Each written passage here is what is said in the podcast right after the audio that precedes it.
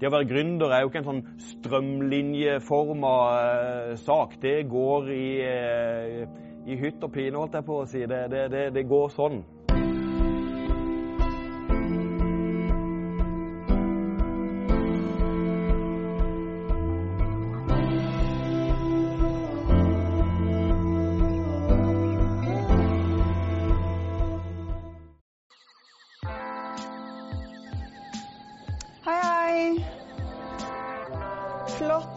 Supert. Du, nå har jeg en eh, kvalitetssjekk av de varene som kom inn i dag, for å være helt sikker på at de er akkurat sånn de skal være før de går ut til kunde.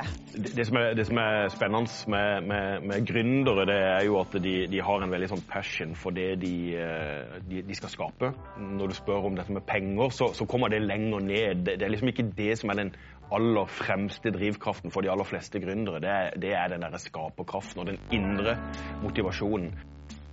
For å si det sånn, når vi begynte med planene våre, så var det ingen, så å si, jeg kan i hvert fall telle på én hånd, av mennesker som hadde troa på det vi prata om. Det første vi gjorde når vi ville starte en park etter vi hadde jobba i Sverige, det var å besøke Kristiansand dyrepark. Da sa de at uh, det kan dere bare glemme, for det kommer dere ikke til å få tak i. Men jeg vil anbefale dere å kjøpe en bok og lese mer om dette. Men sånn til å begynne med så tenkte vel de som alle andre at det her er to gutter som uh har lyst, men det kommer nok ikke til å gå. Men det var som å helle bensin på oss to som hadde bestemt oss for dette. Så det var starten. Det var at de dømte oss ned og må hjem. Og så brukte vi seks år av livet vårt på en måte å få det til før vi åpna dørene her. Og det er jo de seks åra som har øh, skapt Den lille dyrehage.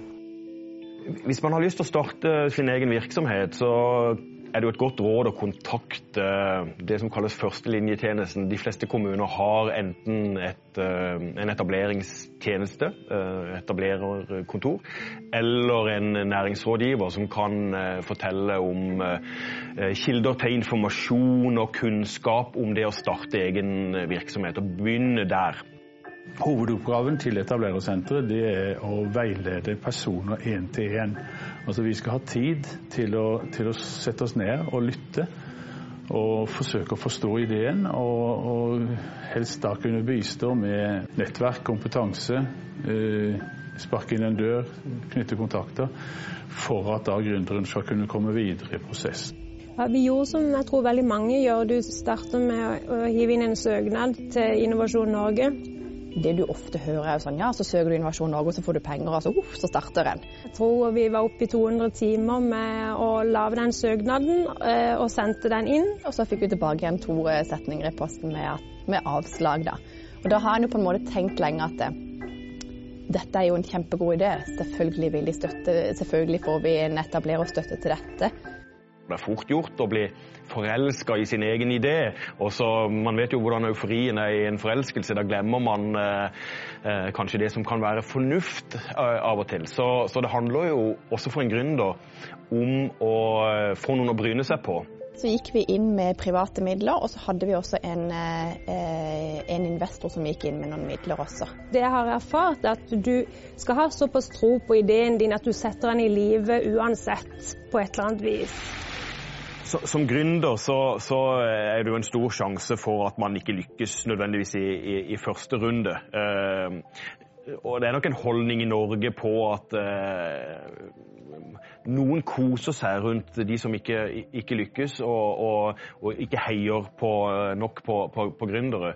Det finnes jo eksempler på Sørlandet på mennesker som har lykkes i stor grad. Uh, Steinar Olsen i, i, Stormberg han uh, gikk jo på trynet et par ganger før han lykkes med Stormberg-konseptet sitt, og har jo blitt en, en stor nasjonal aktør med, med sine produkter det er nok en, en, en, annerledes kultur i USA. Hvis vi tar uh, Silicon Valley f.eks., som blir på en måte framheva ofte som en sånn entreprenørskap og gründerskapens vugge, uh, uh, så, så, sier jo de der borte at not only the second time but the third time, but also the fourth time. Altså at man kan gå på trynet et par ganger, men, men allikevel så, så, må vi heie på de som, som prøver på nytt.